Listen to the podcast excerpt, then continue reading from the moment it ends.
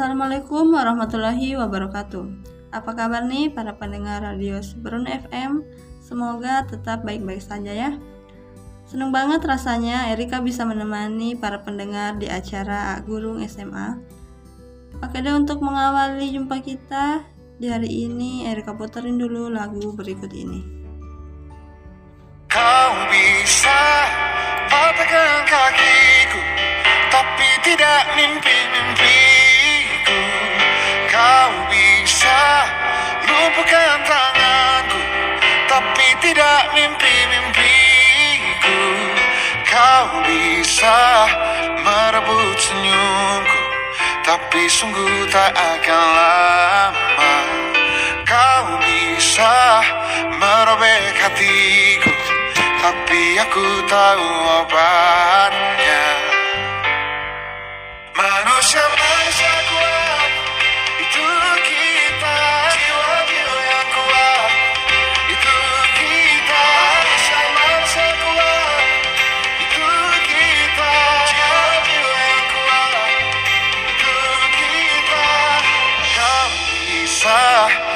hitamkan putihku.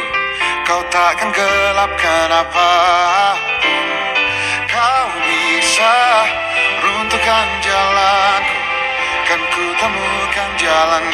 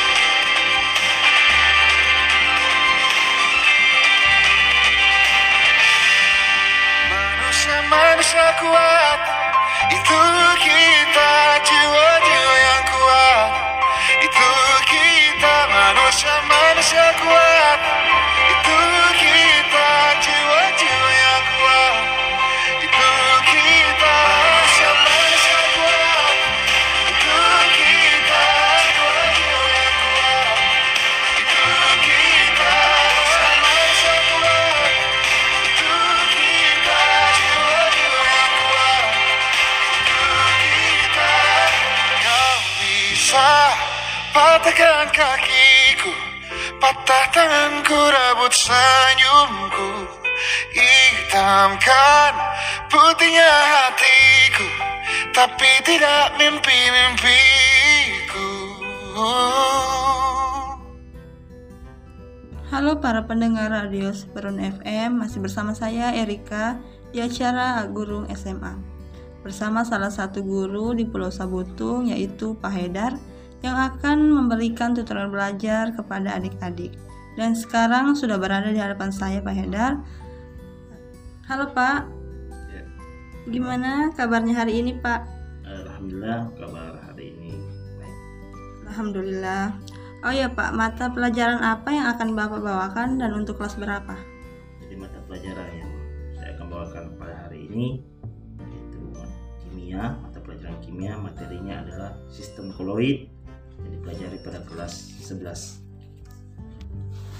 Buat adik-adik kelas 11, silahkan dipersiapkan alat tulisnya dan untuk Pak Haidar saya persilahkan untuk memberikan materinya. Silahkan Pak. Baik, eh, terima kasih penyiar D. Irika. Jadi pada hari ini saya akan memberikan materi yang berjudul sistem koloid untuk kelas 11 pada semester genap. Adapun tujuan pembelajaran yang ingin dicapai setelah mendengarkan materi ini, yang pertama diharapkan mampu menjelaskan pengertian jenis-jenis dan sifat-sifat koloid. Dan Yang kedua, mampu mengidentifikasi dan mengelompokkan sifat-sifat koloid. Kemudian yang ketiga, mampu mendeskripsikan peranan koloid dalam berbagai macam industri.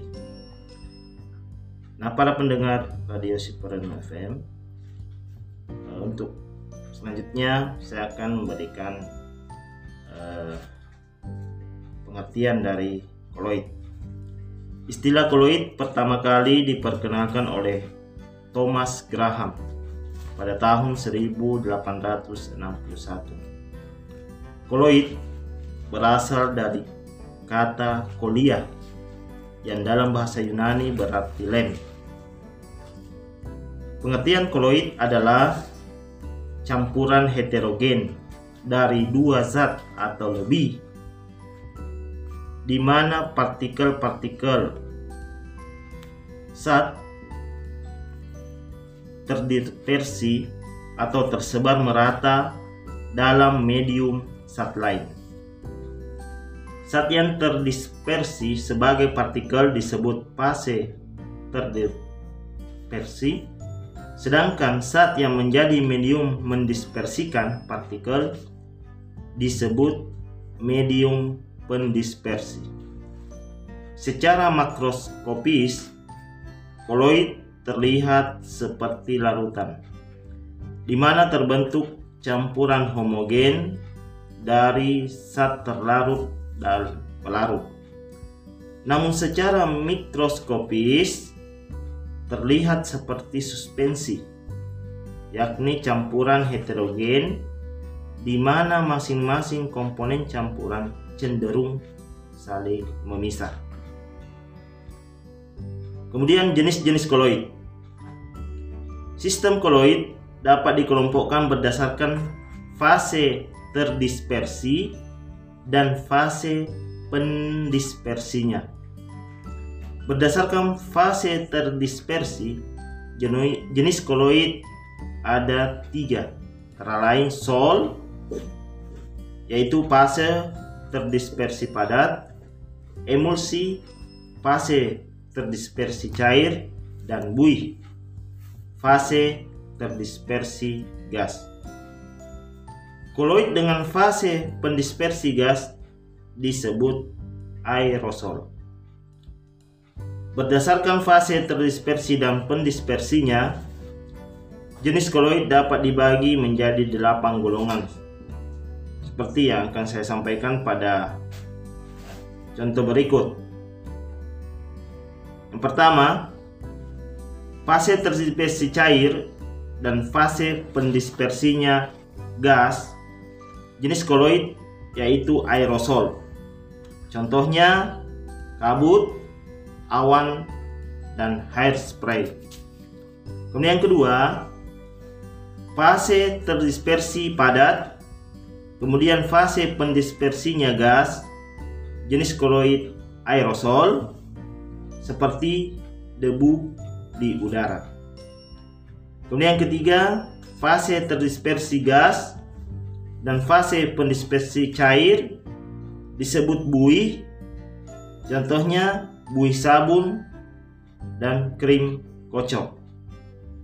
Kemudian yang keempat, fase terdispersi cair dan fase pendispersinya cair, jenis koloid disebut emulsi. Contohnya susu, santan, dan mayones.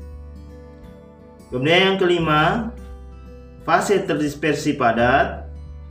Kemudian fase pendispersinya cair disebut jenis koloid sol.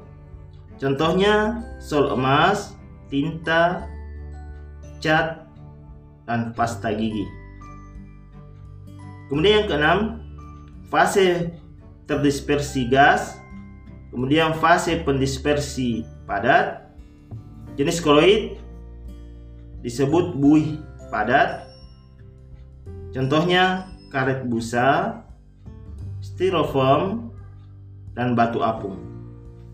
Kemudian yang ketujuh, fase terdispersi cair, Kemudian fase pendispersi padat. Jenis koloid emulsi padat atau gel. Contohnya margarin, keju, jelly, dan mutiara.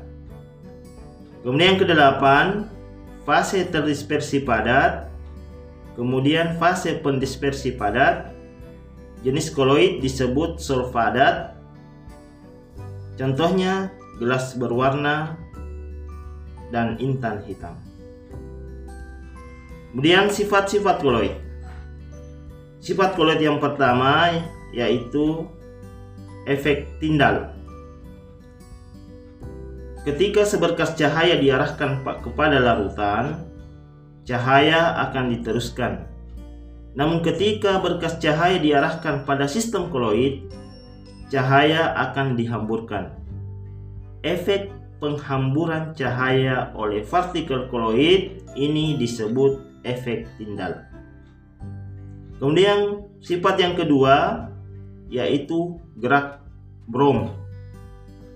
Secara mikroskopis, partikel-partikel koloid bergerak secara acak dengan jalur patah-patah atau siksak dalam medium pendispersi.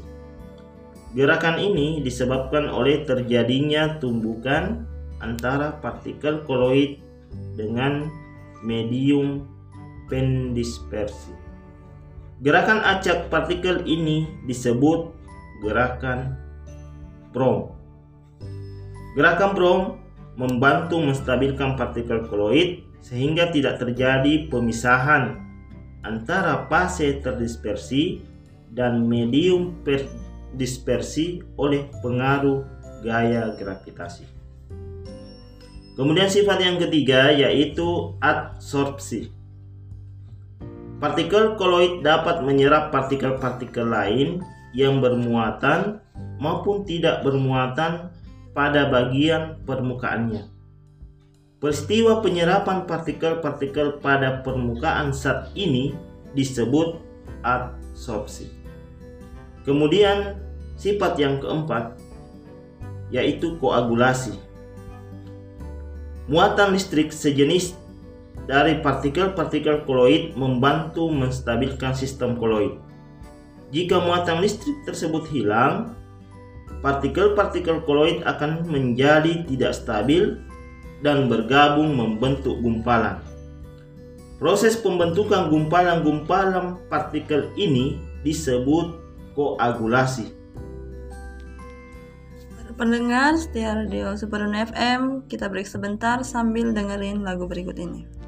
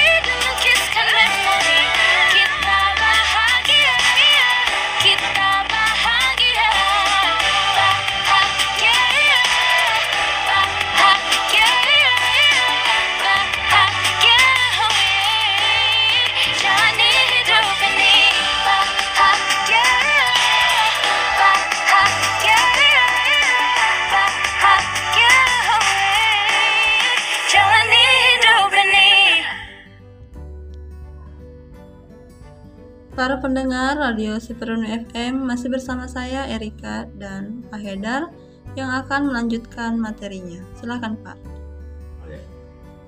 Nah, Jadi tadi saya sudah sampaikan tentang sifat-sifat koloid. Jadi sifat-sifat koloid itu ada empat. Yang pertama efek tindal, kedua gerak drone, ketiga adsorpsi, dan yang keempat koagulasi. Eh, Selanjutnya saya akan berikan menyampaikan tentang pembuatan koloid. Bagaimana koloid itu dibuat. Jadi pembuatan koloid itu yang pertama dengan cara dispersi yaitu memperkecil ukuran partikel. Cara dispersi ini terbagi ke dalam yang pertama cara mekanik. Pada cara ini butiran-butiran kasar digerus ataupun digiling dengan penggiling koloid hingga tingkat kehalusan tertentu lalu diaduk dalam medium pendispersi. Contohnya sol belerang dapat dibuat dengan menggerus serbuk belerang bersama-sama dengan gula pasir. Kemudian serbuk yang sudah dihaluskan itu atau yang halus tersebut dicampur dengan air. Kemudian cara peptisasi. Pada cara ini partikel-partikel besar dipecah dengan bantuan zat peptisasi atau pemecah.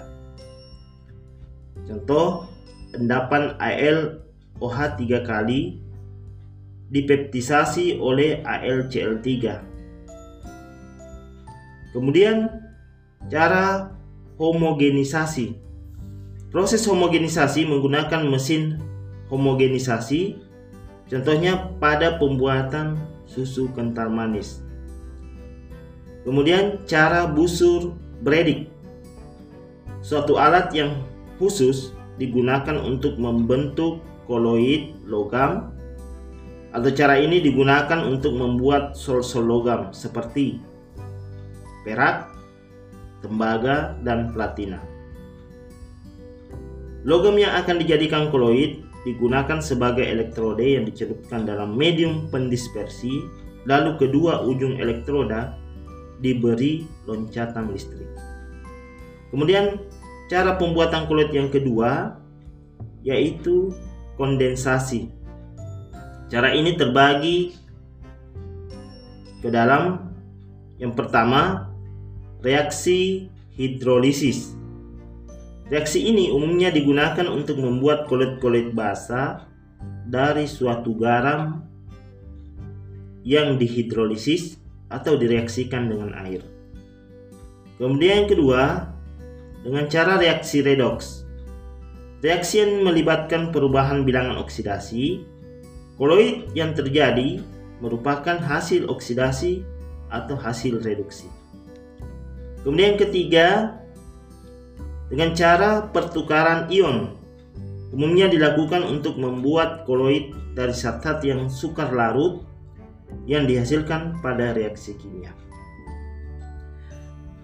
Kemudian, peranan koloid dalam berbagai macam industri. Yang pertama, peranan koloid dalam industri kosmetik. Dalam bidang kosmetik, kita sering menggunakan koloid dalam pelarut tertentu seperti pembersih muka, pewangi badan berbentuk spray, sprot rambut, gel untuk rambut, dan produk kosmetik lainnya. Kemudian kedua, peranan koloid dalam bidang makanan. Makanan yang kita konsumsi sehari-hari ada yang berbentuk padatan ataupun cairan. Akan tetapi, terkadang beberapa makanan yang berbentuk padatan sulit untuk dicerna. Sehingga oleh pabrik, produk-produk makanan dibuat dalam bentuk koloid. Produk-produk makanan yang menggunakan sistem koloid antara lain kecap, saus, keju, mentega, dan krim. Kemudian yang ketiga, peranan koloid dalam bidang farmasi. Seperti halnya makanan, obat pun ada yang berwujud padatan atau tablet, sehingga bagi anak-anak sulit untuk menelannya. Untuk mengatasinya, obat tersebut dikemas dalam bentuk koloid, sehingga mudah diminum. Contohnya obat batuk yang berbentuk sirup. Kemudian peranan koloid dalam industri tekstil. Dalam industri tekstil, seperti pewarna tekstil berbentuk koloid karena mempunyai daya serap yang tinggi sehingga dapat melekat pada tekstil. Dan yang kelima, peranan koloid dalam industri sabun dan deterjen. Sabun dan deterjen merupakan emulgator untuk membentuk emulsi antara kotoran atau minyak dengan air sehingga sabun dan deterjen dapat membersihkan kotoran terutama kotoran dari minyak. Demikian materi koloid yang saya sampaikan pada kesempatan ini. Semoga bisa dipahami oleh para pendengar Radio Siperun FM. Demikian, Assalamualaikum warahmatullahi wabarakatuh. Para pendengar Radio Siperun FM, itulah tadi materi yang telah dibawakan oleh Pak Haidar. Semoga adik-adik kelas 11 bisa mempelajari kembali materi yang telah diberikan. Terima kasih Pak Haidar telah memberikan materi pada hari ini. Para pendengar setia Radio Siperunu di mana pun Anda berada, saya ingatkan untuk tetap ikuti protokol kesehatan dengan mencuci tangan, menggunakan sabun, memakai masker, dan selalu menjaga jarak.